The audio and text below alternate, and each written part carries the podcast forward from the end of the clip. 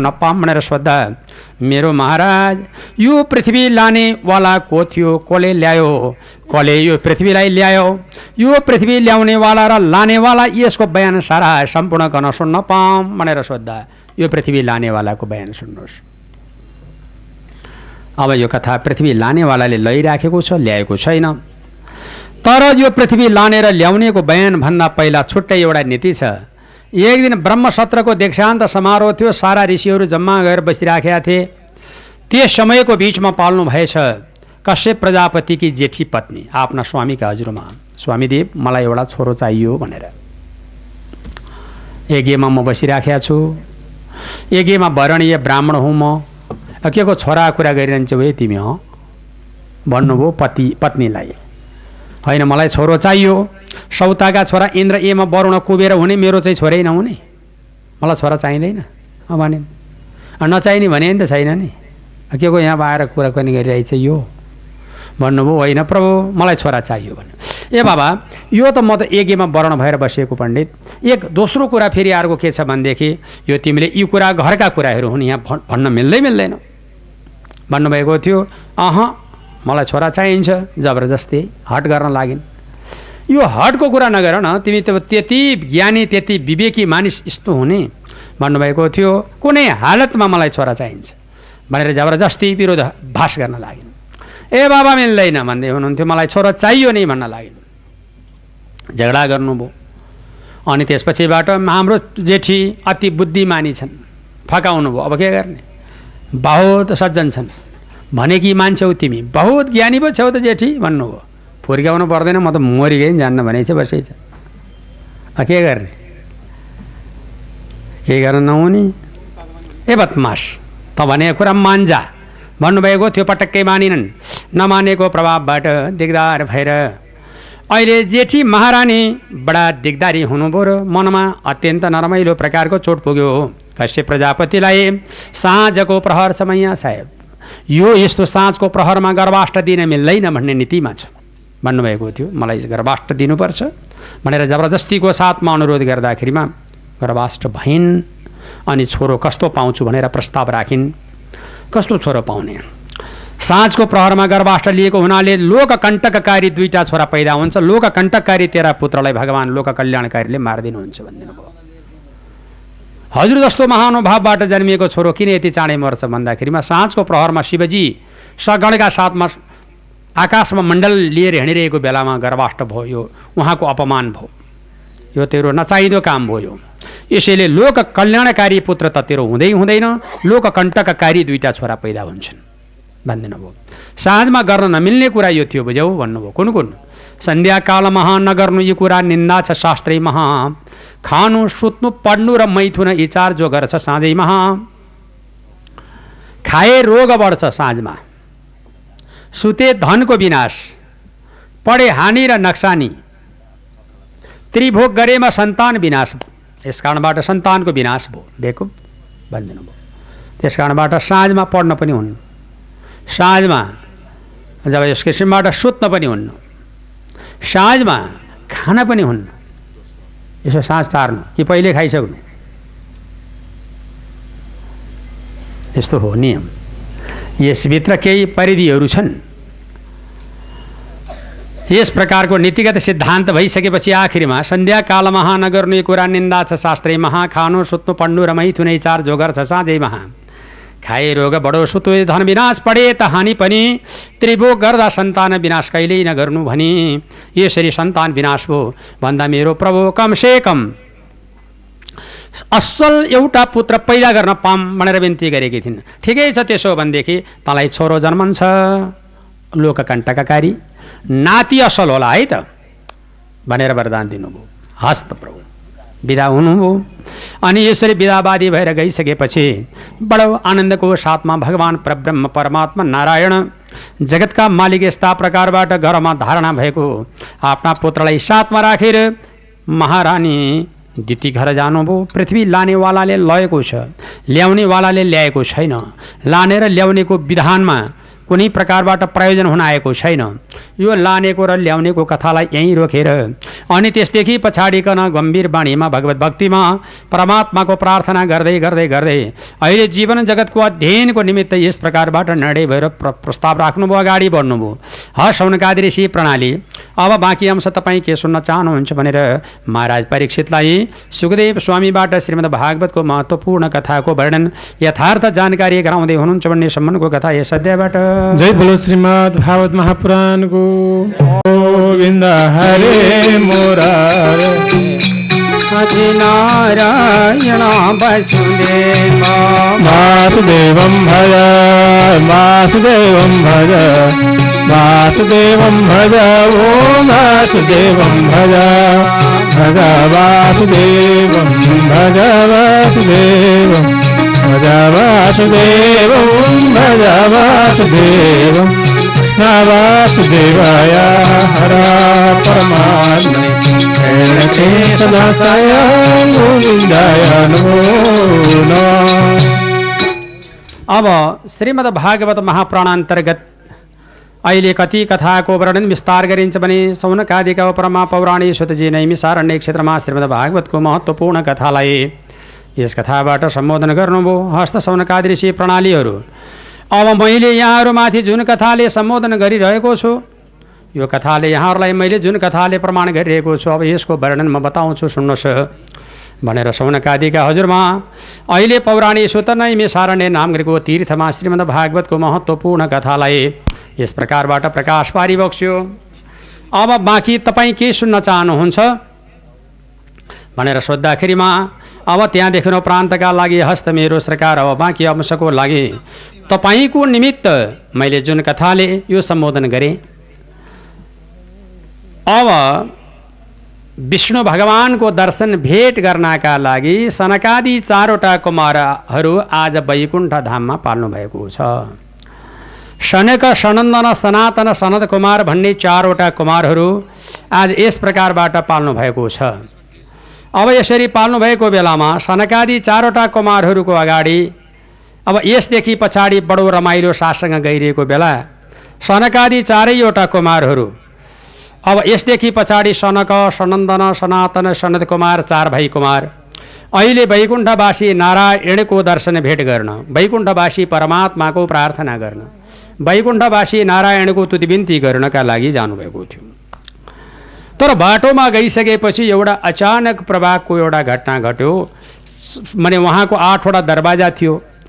सातवटासम्म सर्लक्क प्रवेश गरेका थिए। आठौँ दरवाजामा प्रश पस्ने बेलामा जय र विजयले टक्कर रोके। खबरदार भनेर जनायो। अनि खबरदारिता जनाइसकेपछि अनि त्यहाँदेखि उपरान्त त्यो खबरदारिताको कारणले अब यहाँदेखि उपरान्त त्यो जान मिल्दैन। यो कुनै हालतमा पनि मिल्दैन। पर्ख भनेर भनिदियो गरे। किन? भन्दाखेरिमा जुसको र फुसको भएको शरीर अङ्ग र भङ्ग प्रत्यङ्ग ज्यादै नराम्रो। शरीरमा खरानी घसेको वस्त्रको नाउँमा लगाउटी पनि नलगाएको बोक्राको लगाएको। यस्तो जनले भगवान् नारायणको दर्शन गर्न जान मिल्छ मिल्दैन भनेर अपराधजन्य भाषा बोले। हेर यो ज्ञानीजनहरूले राम्रो नराम्रो अर्काको टिका टिप्पणी नै गर्दैनन्। जो ज्ञानीजन छ त्यो ज्ञानीजनले अर्काको कुरै गर्दैन। जो अज्ञानी छ त्यो अज्ञानीजनले अर्काको कुरा गर्नुपर्छ। तपाईँहरू अज्ञानी हो। वैकुण्ठमा बसेर पनि अज्ञानी कुरा गर्ने। ज्ञानीजनहरूले अर्काको कुरा गर्नु औचित्य हुँदैन। अज्ञानीजनहरू अर्काको कुरा गर्छन् र आफ्नो बढाइ गर्छन् अर्काको बथुवाइ गर्छन्। त्यो अज्ञान हो। ज्ञानीका लागि अर्को जोसुकै जहाँसुकै जाओस् जेसुकै खाओस् जेसुकै गरोस् यो ठुलो कुरै होइन। त्यो तपाईँहरूले ठुलो अपमानको भाषा बोल्नुभयो। यो अपमानले गर्दाखेरिमा वैकुण्ठको तपाईँहरूको गरिमालाई ठुलो चोट पुर्याएको छ। भनिदिनुभयो अब त्यसो हो भनेदेखि त्यस्तो नचाहिँदो कुरा बोल्ने। आज जब वैकुण्ठवासी जनहरूले राम्रो र नराम्रोको पहिचान शरीरमा जेसुकै लुगा लाओस् के चाहियो? तपाईँहरूको अगाडि हिरा हर मोती अत्तर सेन्ट छ। तर भगवान्को भक्त रुखका बोक्राको लगौँटी लाएर हिँडेको छ। अत के? यसको लागि भक्तका लागि त भगवान्को लागि राम्रो नराम्रो असल कमसल त्यो त हुन सक्दैन। ठुलो गल्ती भयो। आइन्दा यस्तो नगरिदिनुहोस् भन्दा ए हामीलाई अझ चेतावनी दिँदो रहेछ भनेर हातमा लौरो लिएर भगवान्का भक्तपट्टि जाइ लागे। यसरी जाइ लागिसकेपछि झ्याप्पै जब कडा शब्दमा प्रस्तुत गरिदिनु भयो। पार्खेस खबरदार। भनेर एकदम साससँग जब जब टेढा नजर दिनुभयो र तुरुन्तै तैँले पृथ्वी मण्डलमा गिर्नु परोस् भन्ने श्राप परिहाल्यो। जय र विजयहरू पृथ्वी मण्डलमा गिर्न लागे। अब त्यसदेखि पछाडि बडा कष्ट भयो बडो समस्या भयो। समस्याको समाधान कसरी गर्ने के गर्ने? बडा कष्ट भयो त्यो समस्याको समाधान केबाट कसरी गर्न सकिन्छ भन्ने बारेमा चिन्तन और मनन ध्यान गरेर परब्रह्म परमात्माको प्रार्थना गरिकन जय र विजयहरूलाई पृथ्वी मण्डलमा गिर्नुपर्ने श्राप परेपछि जय र विजयको आपतलाई मोचन गर्न स्वयं भगवान् नारायण अहिले सवारी हुन आँटो भन्ने सम्मको कथा हे सत्यबाट जय श्रीमद् भागवत महापुराणको अहिले दशम स्कन्द माने त्यस तृतीय स्कन्द अहिले सोह्र अध्यायको बिच महाराज परीक्षितलाई सुखदेव स्वामीले बताउनु भयो सौनकादृशी प्रणाली अब यो त मैले यहाँलाई प्रस्तुत गर्दै ल्याएँ। यहाँहरूले सुन्दै सुन्दै सुन्दै आउनुभयो। अब विशेष रूपमा ज्ञानको विषयको लागि कर्तव्य र बोधको विचारका लागि भगवत भक्ति र प्रेमको लागि श्रद्धा र सद्भावको लागि। महाराज परीक्षितलाई सुखदेव स्वामीले यस कथाले सम्बोधन गर्नुभयो। हस्त सौनकादृशी प्रणाली जय र विजय दुईटा जब जनहरू भगवान् नारायण वासुदेवको चरण सेवामा ध्यान गर्नका लागि बसेका सात दरबाराको दरबार आठवटा दरवाजा थियो भगवान्को ढोका। सातवटा दरवाजासम्म टक्क बसिरहेका थिए। आठौँ दरबा आठौँ दरवाजामा आठौँ दरबारमा माने दरवाजामा प्रवेश गर्ने बेलामा टक्क रोकिए जय विजयले। खबरदार जान पाउँदैनौ भने। अब किन हो भनेर सोद्धाखेरिमा वैकुण्ठवासी नारायण भगवानको भक्तले राम्रो नराम्रो असल कमसल त्यो त पहिचान त्यो त गर्ने कुरा होइन।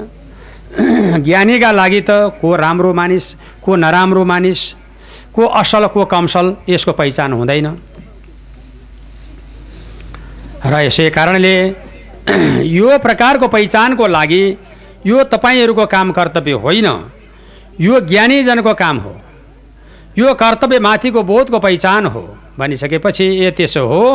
अब त्यसो हो भने ठिक छ भनेर बडा खुसीको साथमा भगवान् नारायण वासुदेवका चरणरूपी कमलमा ध्यान मन कीर्तन गरिबक्छु र अनि त्यसदेखि पछाडिबाट अब यही प्रकारको नीतिगत सिद्धान्तले पूर्ण गरेर जब लिएर आज्ञा गरिबक्छु अब त्यसो भनेदेखि एउटा काम गरिहालौँ त ईश्वर भन्नुभयो। के कुरा भन्दा जय र विजयले। यसरी कडा शब्दमा हामीलाई जब बोलेको कारणले गर्दा तिमीहरू पृथ्वी मण्डलमा अहिले भर्खर गिर्नु परोस् भन्ने श्राप परिहालेछ। अब यो भगवान्को भक्तहरूले गरेको श्राप काट्न कसैको तागत छैन यो काट्न पनि मिल्दैन। अब एउटा काम गरिहालौँ। र तिमीहरू तिन जन्मसम्म मेरो भाव भक्ति र श्रद्धा प्रेम गरेर मेरो धाममा आइपुग्छौ कि? सात जन्मसम्म तुति बिन्ती प्रार्थना गरेर आइपुग्छौ कि? तिन जन्म मेरो हातबाट मैले मारेर तिमीहरू आइपुग्छौ? लो भन्न भन्नु। सात जन्मसम्मको लागि त टाढा भयो नि प्रभु यो त ज्यादै लामो भयो। तिन जन्म हजुरको भाव भक्ति र श्रद्धा प्रेम गरेर आइपुग्न पाऊँ।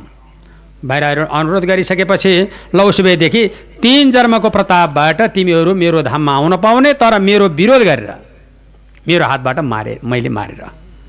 भन्दी बक्छु हस्त मेरो प्रभु। उसोभएदेखि राम्रो भयो। बडा खुसीको कुरा सुनाउनु भयो। बडा बेस्ट भयो। अत्यन्त प्रसन्न मुद्रामा भगवानको भक्ति चित्त लगाएर त्यहाँबाट विदाय हुनुभयो जय र विजय नाम गरेका महान वीर दुईटा। यस्ता कारणबाट जब पृथ्वी मण्डलमा गिर्ने भए भगवान् नारायण वासुदेवको ध्यान सबले बिन्ती गरे जाउँला वैकुण्ठ जाउँला वैकुण्ठ नाच्दै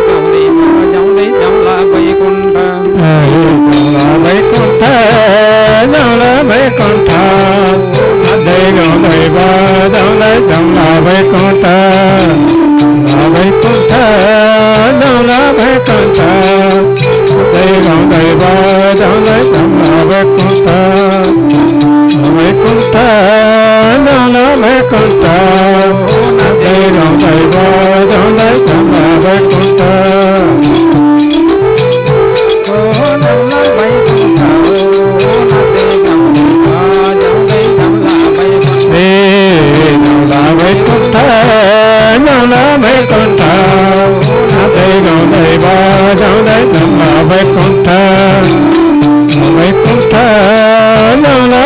वैकुण्ठ नाच्दै गाउँदै बजाउँदै नौला वैकुण्ठ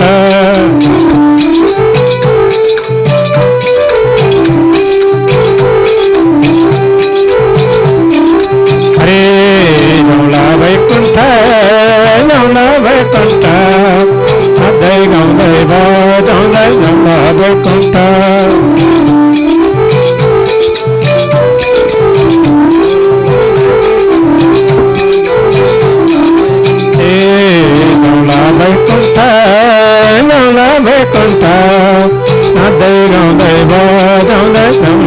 वैकुण्ठ वैकुण्ठ जाउला वैकुण्ठ भन्दै गाउँदै गाउँलाई गाउँला वैकुण्ठ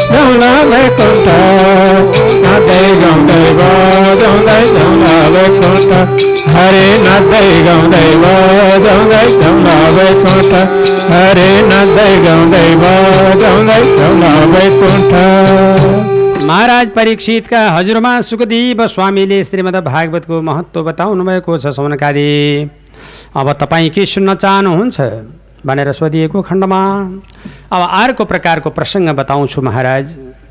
यो पृथ्वीबाट भगवान्ले सारा सम्पूर्ण प्रकारले जय र विजयलाई पृथ्वीमा गएर जन्म लिऊ तिमीहरूको उद्धार गर्ने अभिप्राय मेरो भावना हुने नै छ। यस्तो आज्ञा गरिबक्स्यो। सकल मनोरथ पूर्ण भयो। ससम्मान मर्यादाको क्रम रह्यो। अनि जीवन जगत अध्ययन भयो भगवत भक्तिमा चित्तवृत्ति भयो। यो मैले यहाँलाई बताएँ जय र विजयको पृथ्वी मण्डलमा जन्म हुन आँटेको छ। स्वयं परमात्माको सवारी हुनेछ अब केही समयपछि। अनि त्यसदेखि पछाडिबाट अहिले जय र विजयको जब सम्पूर्ण प्रकारको कामना पूर्ण गरिसकेपछि स्वयं नारायण परमात्माले सनकादि कुमारहरूको आज्ञा गर्नुभयो। संसारमा सबैभन्दा मर्यादित पुरुष भनेको विद्वान हुन्छ। साहु महाजनहरू एक ठाउँमा पूजा हुन्छन् राजा स्वदेशमा पूजा हुन्छन् विद्वान सर्वत्र ठाउँमा पूजा हुन्छ। यसै कारणबाट विद्वानको मर्यादामाथि हनन भयो। यो मेरो जय र विजयले गरिएको गल्तीको लागि क्षमा राख्नुहोला। यो मेरो गल्ती हो भन्ने महसुस गरिदिनुहोस् भनेर भगवान् विष्णुले स्वयं त्यत्र विद्वानहरूलाई मर्यादाको पालक बनिदिनु भयो अनि जय विजयहरू पृथ्वी मण्डलमा जन्मने लागि गएका छन्। सनकादि चारवटा कुमार ब्रह्मलोकमा प्रस्थान गर्नुभएको छ। त भगवान्को अहिले वैकुण्ठ धाममा सवारी भइबक्स्यो र जय र विजयहरू पृथ्वी मण्डलमा जन्म लिन जाने आँटे यी तिनवटा कथा एक ठाउँमा जोडिएको छ महाराज। जसको पृथ्वीमा जन्म लिन गएका जय र विजयको कहाँ जन्म भयो त्यो पनि थाहा छैन। पृथ्वी रूपी महातारी लिएर जानेवाला महावीर योद्धाको हो। त्यसको पनि पहिचान खोलेको छैन। तेस्रो नम्बरमा यो पृथ्वी रूपी महातारीलाई यस किसिमबाट सुरक्षित गर्नका लागि खटिएका दुईटा वीरहरूको जन्म कहाँनिर हुन्छ? र दितीको घरबाट बालकको पैदा हुने हो त्यो पनि थाहा छैन यी तिनीलाई। समायोजन गर्न राजा परीक्षितलाई सुखदेव स्वामीले बारम्बार अनुरोध गर्दै हुनुहुन्छ भन्ने सम्मको कथा यस अध्यायबाट। अब यहाँलाई जुन कथाले हामीले निर्णय गर्दै ल्यायौँ सबवत ध्यानको वर्णन। यसको प्रक्रियागत उपाख्यान शाश्वत ज्ञानको उपदेशको वर्णन यो मैले प्रस्तुत गरेँ। जय र विजयको जन्म पृथ्वी मण्डलमा अब कहाँ भयो? जय र विजयको जन्मले कहाँ कहाँ के के गर्यो? पृथ्वी लिएर जानेवाला महामहिम व्यक्तिको हो यसको बयान सुन्न पाऊँ भनेर सोधी बक्सेको खण्डमा। हस्त सरकार यसको वर्णनमा सारा प्रस्तुत गर्दछु यहाँलाई। अब सबभन्दा पहिला यो पृथ्वी कसले लग्यो भन्ने बारेका लागि जय र विजयको जन्म कहाँ भयो? दिती महारानी गर्भावती भएकी थिइन्। आज गर्भ जन्मेला दस महिनासम्ममा जन्मिएन। एक वर्ष भयो राजा इन्द्रको डरले जन्माउन सकेनन्। दुई वर्ष भयो गर्भ जन्माउन सकेनन्। तिन वर्ष पाँच वर्ष दस पच्चिस पचास सय वर्षसम्मका लागि गर्भधारणा भयो पूर्णे वर्ष सते साबे पुत्रो प्रसुसमे यमो एक सय वर्ष गर्भमा धारणा भयो एक सय वर्ष पेटमा बालक धारणा भइसकेपछि अनि त्यसदेखि पछाडिबाट सय वर्षको बादमा बल्ल बालक पैदाको लागि तयारी भएको छ। लो प्रभु जन्मिदिनु पर्यो भनेर बिन्ती गर्दाखेरिमा सय वर्षको बादमा परमात्मा पृथ्वी मण्डलमा प्रादुर्भाव भइदिनु पर्यो प्रभु भनेर यस किसिमले बिन्ती गर्दाखेरिमा फट बालक पैदा भयो। जब त्यो बालक पैदा गरिसकेपछि जन्मदाखेरिमा जेठो को नाम हिरण्डे कश्यपु कान्छाको नाम हिराण्ड्याक्ष भन्ने भए। हिरण्डे कश्यपु जेठो चाहिँ तपस्यामा गयो। हिराण्ड्याक्ष चाहिँ यो रसातलमा पृथ्वी बोकेर जानेवाला बहादुर त्यही कान्छो चाहिँ हो। अब त्यो पृथ्वी ल्याउनका लागि अनवरत प्राय प्राप्त भयो। अब यहाँहरूले सुनिदिनु पर्यो कथा कसरी भने जय र विजयको जन्म भएछ जब हिरण्डे कशिपु हिराण्ड्याक्षको हिरण्डे कशिपु हिराण्ड्याक्षको दितीको घरबाट जन्मिए। यो पृथ्वी लिएर जाने हिराण्ड्याक्षक नै भयो तिनटै कथालाई समायोजन गरेको छु। अब बाँकी तपाईँ के सुन्न चाहनुहुन्छ भन्दा यो पृथ्वी सारा सम्पूर्ण लयो। लगिसकेपछि कहीँ गएर रोकावट भएन। कुनै प्रकारको समस्या हुन सकेन। आखिरमा त्यो पृथ्वी ल्याउनका लागि भगवान् नारायण वासुदेवको परमात्माको ध्यान गर्नुभयो ब्रह्माजीले आउने बेला भो अरे आउने बेला भो भक्तजनको रक्षा गर्न आउने बेला भो अरे आउने बेला भो आउने बेला भो भक्तजनको रक्षा गर्न आउने बेला भो। आउने बेला हो आउने बेला भो।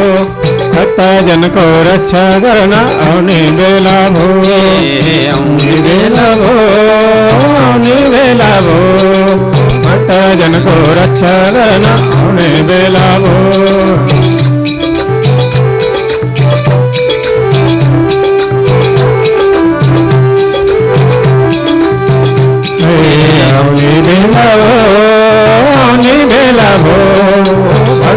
भक्तजनको रक्षा गर्न आउने बेला भो राम आउने बेला भो आउने बेला भो भक्तजनको रक्षा गर्न आउने बेला भो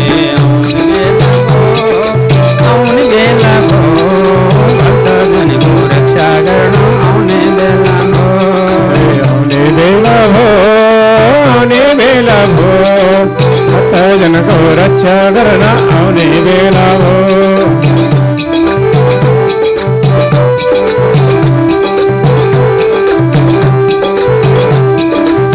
हे आउने बेला भो आउने बेला भो भक्तजनको रक्षा गर्न आउने बेला भो ए आउने बेला भो आउने बेला भो भक्तजनको रक्षा गर्न आउने बेला भो हे आउने बेला भो आउने बेला भो। भक्तजनको रक्षा गर्न आउने बेला भो। आउने बेला भो आउने बेला भो। भक्तजनको रक्षा गर्न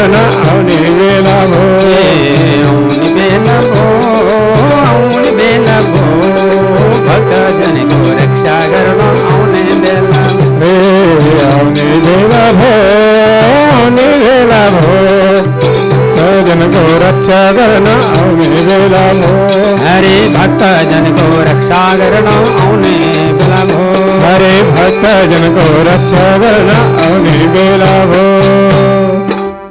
यसरी भगवान् परमात्माको सवारी हुने बेला भो सबले अपार हर्ष साथ प्रभुको प्रार्थना गरिराखेका थिए अचानक पूर्वक त्यस प्रकारबाट जय र विजय नामका वीर दुईटा दानवराजहरू पृथ्वी मण्डलमा हिरण्य कश्यपु र हिराण्ड्याक्षको नामबाट प्रकट भएका छन्। त्यो हिरण्य कश्यपु र हिराण्ड्याक्षका लागि अब वधको निमित्त स्वयं भगवान् प्रभु प्रा पृथ्वी मण्डलमा प्रादुर्भाव भइदिनु पर्यो भनेर बिन्ती गर्दा स्वयं भगवान् परब्रह्म परमात्मा ब्रह्माजीको दाहिनेपट्टिको नाका पालबाट फट पैदा गरी बोक्छु आछ्यौँ गर्दाखेरिमा। हेर्दा हेर्दैमा सामान्यतया त्यो बालक मुसा जत्रो देखियो अल्लीखेरमा जब बँदेल जत्रो देखियो नत्र होइन फेरि हात्ती जत्रो देखियो अन्ततो गत्वा त्यो त जब भयङ्कर प्रकारबाट महान शक्तिशाली पहाड जत्रो देखियो त्यही व्यक्तिको नाम हो बराह अवतार भगवानको। जय बोलो बराह अवतार भगवानको। आकाशबाट फुलमाला गुच्छा लाबिरको वृष्टि भगवान् बराहको जय जय भयो। अनि बराह अवतार परमात्माले यो जलमय संसारमा सारा खोज्दै र सुँग्दै पाल्नुभयो। जाँदाखेरिमा हिरान डेक्सको नाम गरेको दानवराज यो जलमय संसारमा पृथ्वीलाई लिएर टक्क अडेर बसिराखेका रहेछ। अनि जलमय संसारमा बसिएको पृथ्वीलाई देखेर यो पृथ्वी त ब्रह्माजीको हो कहाँबाट ल्याइस् भन्नुभयो भगवान्ले। ओहो यो पृथ्वी त मेरो हो भन्यो उसले। अत चोरले चोरिसकेपछि त जसको नि हुने भयो नि यो त ब्रह्माजीको हो नि भन्नुभएको थियो। मेरो राष्ट्रमा आएर यदवा तदवा त बोल्ने कहाँ आइसँग सुँगुर भन्यो। भगवान्लाई। त जस्ता कुत्तालाई सिद्ध्याउनका लागि आएको सुँगुर हुँ भन्नुभयो भगवान् बराहले। अनि यस्तो जलमा त सुँगुर त देखिँदैन थियो त त कहाँबाट आइस? जल सुँगुर होस् भन्यो भगवान्लाई। परमात्मालाई यत्बा तत्बा गाली गर्दै थियो। परमात्माले संयमी साथ कुरा गर्दै भए बक्सन्थ्यो प्रभुलाई गधाको झटारो छोड्यो। त्यो गधाले च्याप्प समातेर भगवान्ले आज्ञा गरी बक्स्यो महाराज हिरान डेक्छ त बडा राम्रो दानी रहेछस् नि भाइ त बडा असल दानी पो रहेछस्। मलाई मार्नका लागि हजुर रेत्तै पाल्नु भएको रहेछ। यसले मलाई मारोस् भनेर गधा दान दिइस् ठिक छ भनेर त्यो गधाले एकपटक पड्काइदिनु भएको थियो भगवान्ले। छ धनु पछाडि हटेर लड्यो। ओहो साह्रै मर्म पर्यो मलाई भनेर जुरुक्क उठ्यो। अनि भगवान् परमात्माले गालामा गण्डस्थलमा पड्काएपछि छ धनु पछाडि हटेपछि हाकार पऱ्यो हुकार पऱ्यो चितकार पऱ्यो जनजीवन अस्तव्यस्त भयो। शिर फोर्मुला जस्तो भयो। अनि त्यसदेखि पछाडिबाट अङ्गभङ्ग प्रत्यङ्ग सारा सम्पूर्ण कन कमजोर देखिन थाल्यो अनि त्यसपछिबाट त्यो अङ्गभङ्ग प्रत्यङ्ग सारा कमजोर देखिन थालेपछि डरले थर्कमान। शरीरका अङ्गहरू सारा पलायन भए सारा नरनारीहरू आतङ्कित भइरहेका थिए। शिरमा गएर जोरदारसँग पड्काइदिनु भयो। फेरि भगवान्ले पछाडि हट्यो रगतको बमन गर्यो। त्यो रगतको बमन गरेपछि फेरि अङ्गभङ्ग प्रत्यङ्ग सारा फणन घुम्यो। र अनि रगत र पिपको बसप्रसा गर्यो। माया युद्ध गर्यो। भगवान् कहाँ यो माया युद्ध गर्यो यसले? फर्केर हेर्नुभयो कोही पनि छैन। पछाडिपट्टिबाट भगवान्लाई हान्न भनेर गदा उठाइसकेको रहेछ। सुदर्शन चक्रले काटिदिनु भयो भगवान्ले मायालाई। अनि त्यसपछिबाट प्रभुपट्टि आक्रमण गरेको थियो। त्यसको शिर फेरि पड्काइदिनु भएको थियो। जुल्फीमा समातेर तानेर एक छप्का हान्नुभएको थियो। गर्लम्मै ढल्यो। हेरान डेक्सेक मर्यो। हिरान डेक्सेको तेज भगवानमा प्रवेश भयो हिरान डेक्से परमधाम भगवान् बराको पुनः जय जय शब्द उच्चारण प्रकट भयो भगवानको प्रार्थना भयो। अनि बरावतार प्रभु परमात्माले यो पृथ्वीलाई टपक्क टिपेर आफ्नो दारामा अड्काउनु भयो। त्यसका नौ भाइ छोरा थिए। नौ भाइ छोरा जन्मिसकेका थिए। यहाँ पो कथाले चाँडै भएको त नौ भाइ छोरा जन्मिसकेका थिए जसमध्येमा जेठो छोराको नाम हो शकुनी। त्यो शकुनी भनेको जुवाडे शकुनी महाभारतको होइन हिरान डेक्सेको छोरो शकुनी। त्यो शकुनीलाई राजपाट सुम्पादिनुभयो र अनि त्यसपछि लौ त्यो शकुनीको छोरो बेरकासुर भन्ने हुन्छ जसले शिवजीलाई जब पछि शिरमा हात राख्छु भनेर झम्टन्छ त्यही हो। हिराण्डेक्सको नाति शकुनीको छोरो बेरकासुर हुन्छ। अनि टप्प परमात्माले जब हातमा जब लिनुभयो त्यो यो रसातलमा पुगेको पृथ्वीलाई टक्क अड्काउनु भयो आफ्नो दारामा र अनि त्यसपछिबाट टपक्क टिपेर ल्याएर जम्बुद्वीपमा राखिदिनु भयो। जलमाथि पृथ्वी फेरि परमात्माले राखी बक्सेपछि बरावतार प्रभु सुँगुरको अवतारले यो पृथ्वी ल्याइदिई बक्सिएको हुनाको कारणले यो कल्पको नाम हो श्री सेप्त बराह कल्प सेतो बरावतार प्रभुले ल्याइ बक्सिएको पृथ्वी हुनाको कारणले यो कल्पको नाम हो श्री सेप्त बराह कल्प। सेप्त बराह कल्पे वैवस्वत मन्वान्तरे भनेर सङ्कल्प पढ्ने गरिएको छ नि।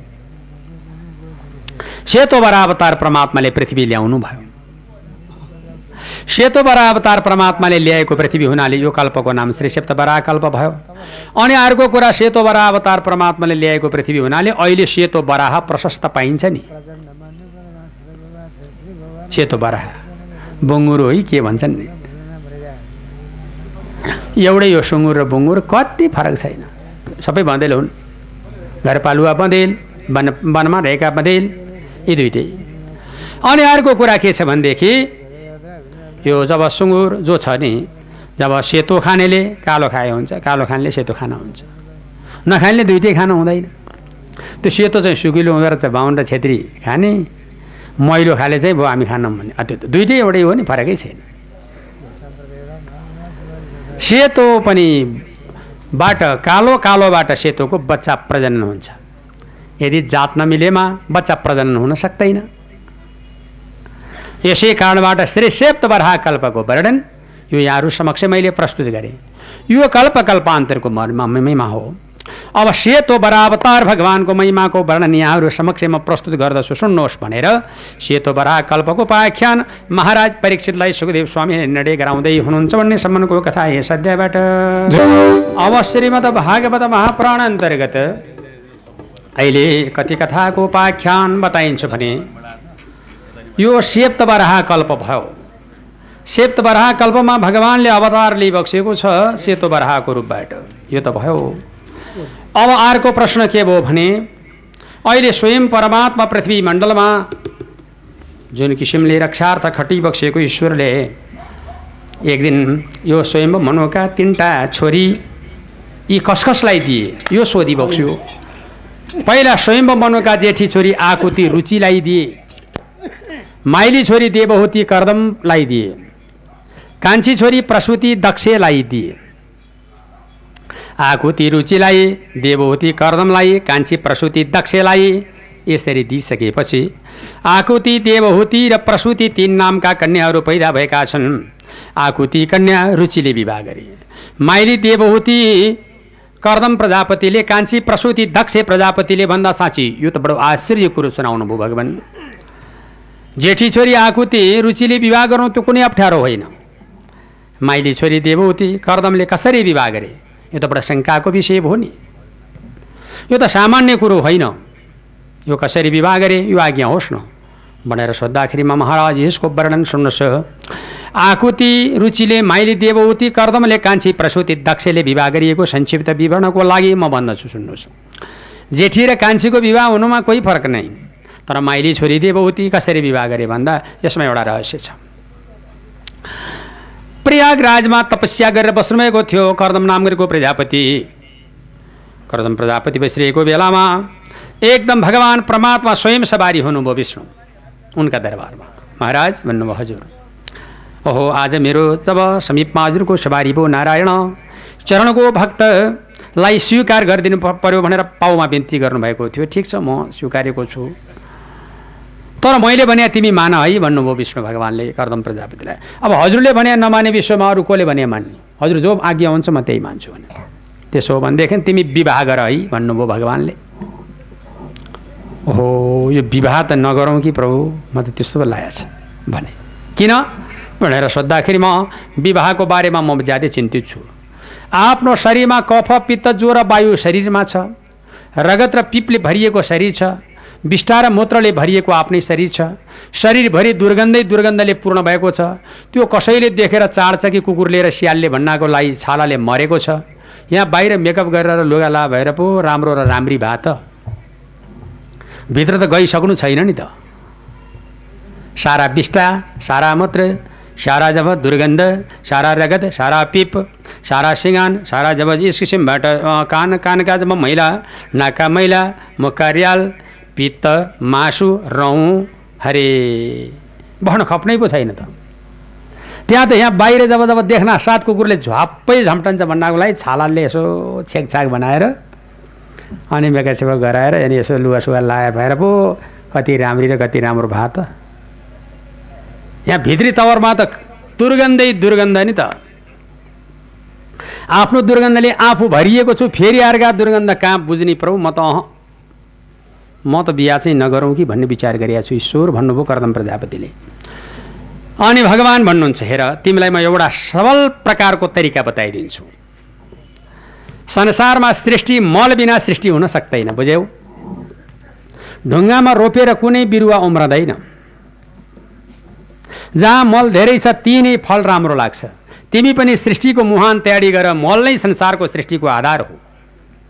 यो मलरूपी शरीरबाट सृष्टिरूपी मुहानको सृजना हुन्छ। यो सृजनशील व्यक्ति हो। अब यहाँ देवताबाट लिएर राजाबाट लिएर कमिलाबाट लिएर हात्ती पर्यन्त सारा सम्पूर्णको जन्म त्यस्तै किसिमले भएको छ त। अब तिमीलाई मात्र गनाउने र बासाउने भन्दा हुन्छ।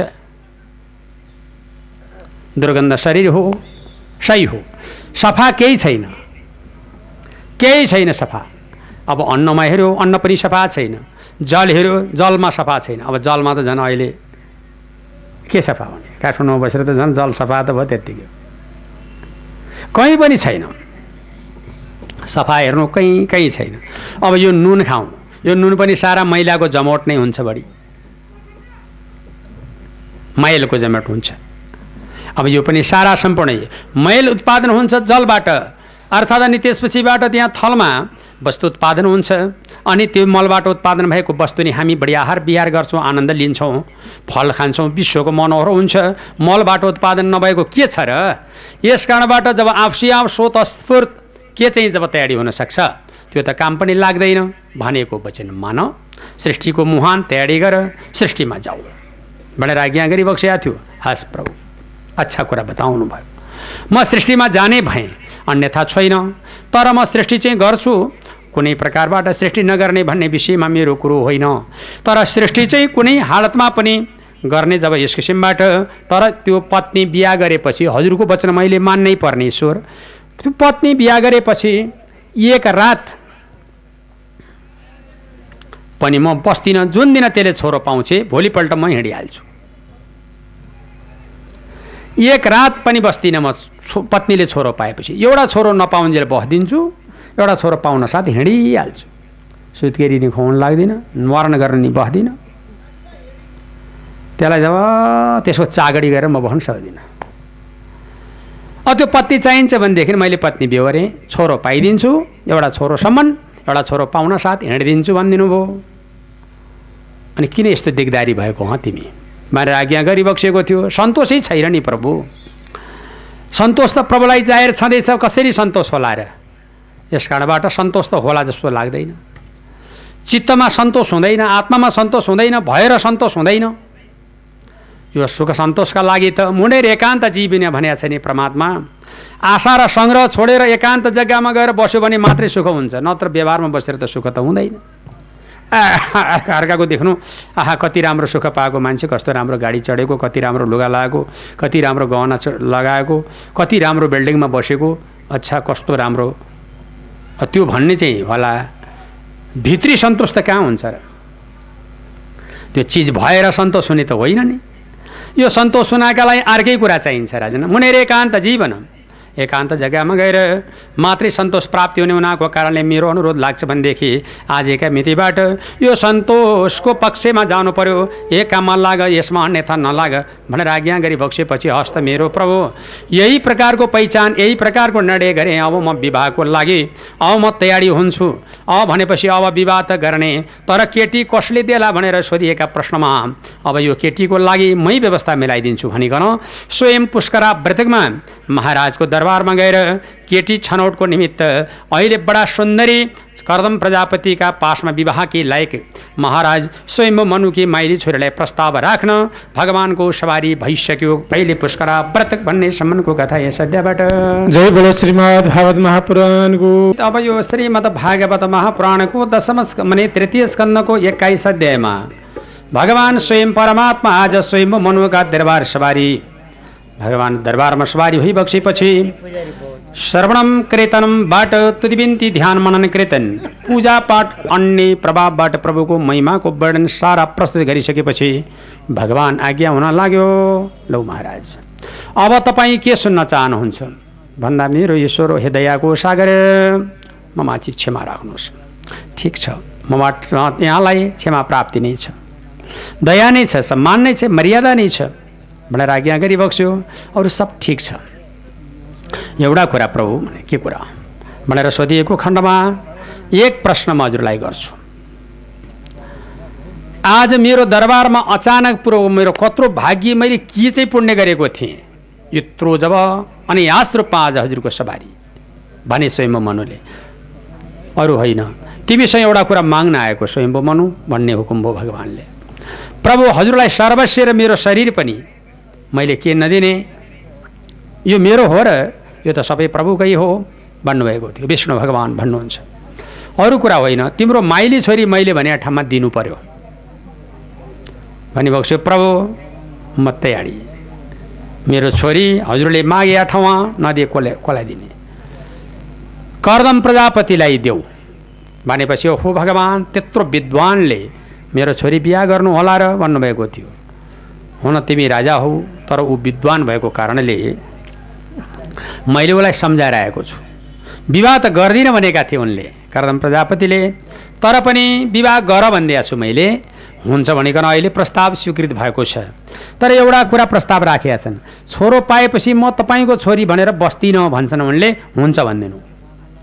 एउटा छोरो नजन्मिउन्जेलसम्मको लागि त्यो पत्नी भनेर बस्नु बस्ने। त्यो छोरो जन्मिसकेपछि त्यो पत्नी भनेर नबस्ने। त्यो कुरा हुन्छ। भन्दाखेरिमा आखिरमा बडा राम्रो कुरा गर्नु। त्यसो भनेदेखि म अहिले भर्खरै जब लिएर गइहालौँ त प्रभु भन्दा हुन्छ। अनि पुष्करावर्तकमा सरास्त्र लिएर जानुभयो महाराज भन्नुभयो हजुर प्रभु।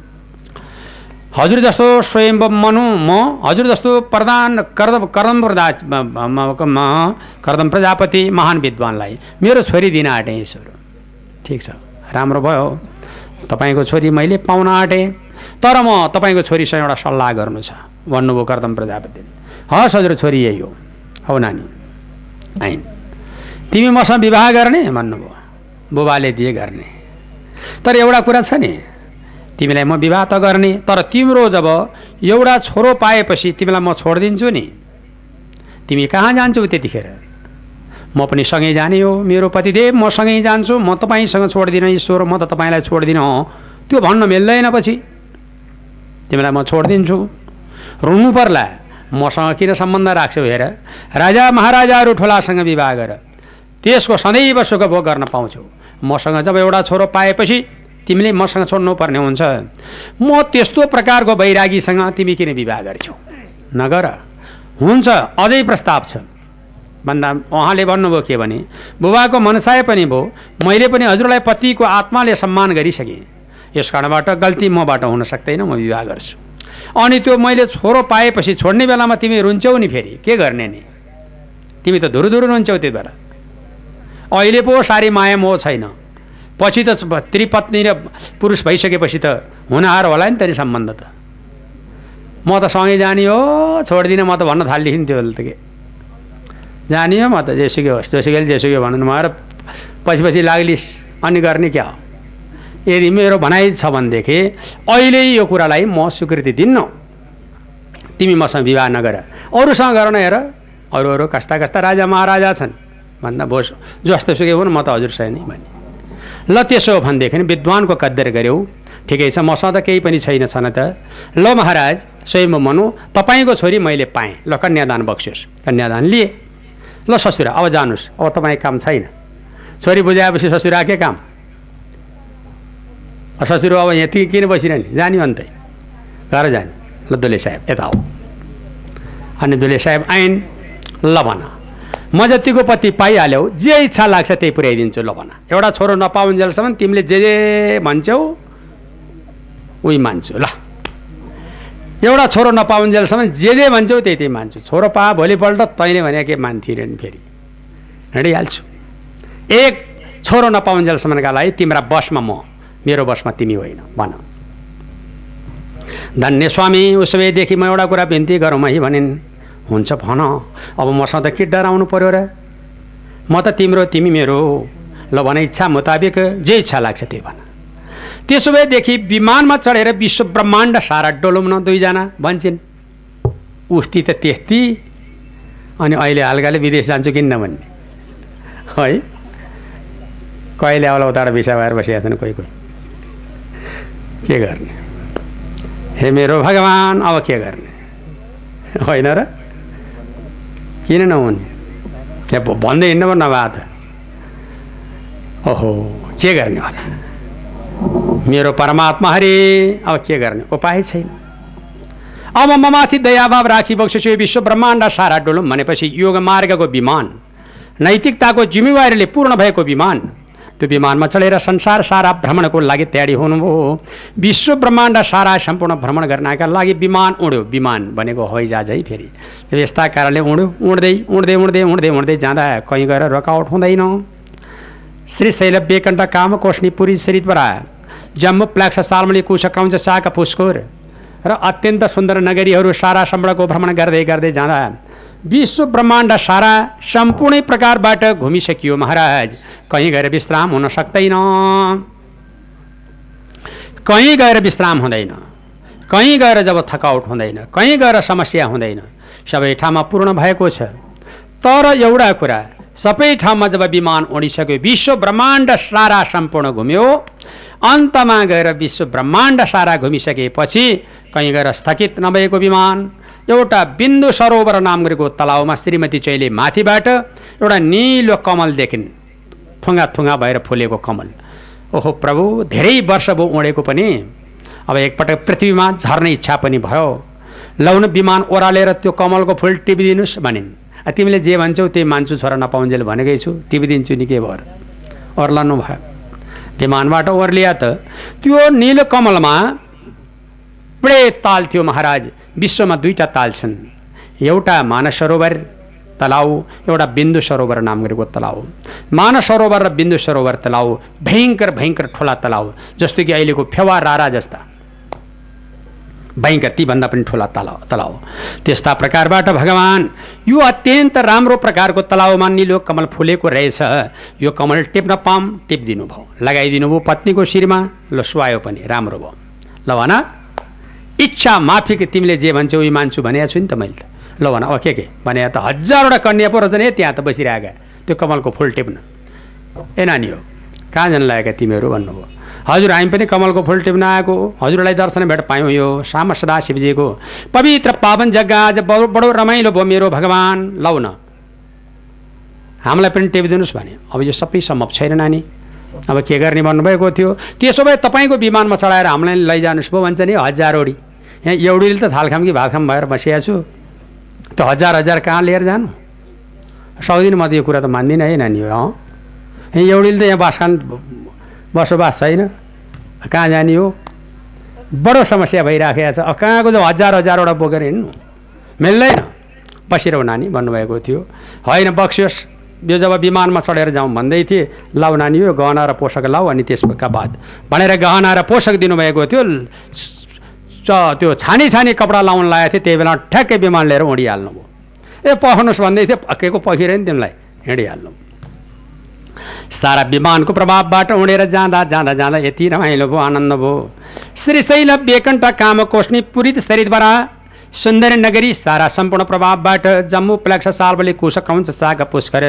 आफ्नो पतिसँग बस्न पाएको विश्व ब्रह्माण्ड घुम्न पाएको चौरासी व्यञ्जन त्यही विमानमा खान पाएको। हरे भगवान् त्यहाँभन्दा रमाइलो के होला? त्यहाँभन्दा रमाइलो के हुन्छ? यहाँ अलिअलि यसो अलिअलि ल्याइदिएदेखि त कति रमाइलो हुन्छ। त्यति आनन्द। कुनै समस्यै छैन। अलिअलि ल्याइदिएदिन बुढो उताबाट आदिन कति चाहिँ रमाइलो हुन्छ। ओहो हाम्रो ल्याएछ नि केही भने जस्तो। आनन्द। होइन र? हेर न खसाएर खुसी गरेका। केरी जानेका भनेका। यही प्रकारबाट सब आनन्द भयो। अनि त्यसदेखि पछाडि आमाको पनि त्यही छोरीको पनि त्यही हो के नबुझिएको छ अब सब आनन्द भयो। बडो रमाइलो भयो बडा खुसी भयो ध्यान भयो मनन भयो कीर्तन भयो। अत्यन्त सुन्दर भयो बडो आरामदायकको खेल भयो महाराज। अनि त्यसपछिबाट आज्ञा गरिबक्छु लौ त मेरो प्रभु दयाको सागर हजुरलाई मेरो कोटी प्रणाम हजुरलाई मेरो कोटी प्रणाम छ। भन्दै थिइन् तर बिचरा गर्भावती भइहालिन्। अब भयो अब गर्भावती भएपछि छोरो जन्मन्छ। पतिले छोड्ने आफू एक्लै कहाँ जाने मेरो भगवान्? अब दिन गयो मेरो ईश्वर। अब रुनु सिवाय केही छैन धुरु धुरु धुरु रुन लागिन्। ए मेरो पतिदेव भनेर भनिन् केलाई मैया साहेब भन्नुभएको थियो म त गर्भावती भयो नि हजुर गर्ने के हो भने के गर्ने छोरा पाउने म हिँड्ने तिमी बसिरहने भन्छ त्यो बुढो कति निठोरी रहेछ फेरि पटक्कै रहन्छ माया त्यसलाई चाहिँ त्यत्रा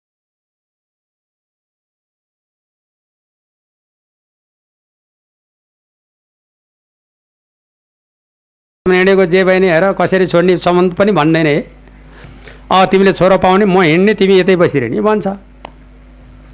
मेरो प्रभु त्यसो आज्ञा नहोस् न भगवान् मलाई छोडेर जानु हुँदैन। म माथि क्षमा राखी बक्सनु पर्यो मेरो दयाको सागर।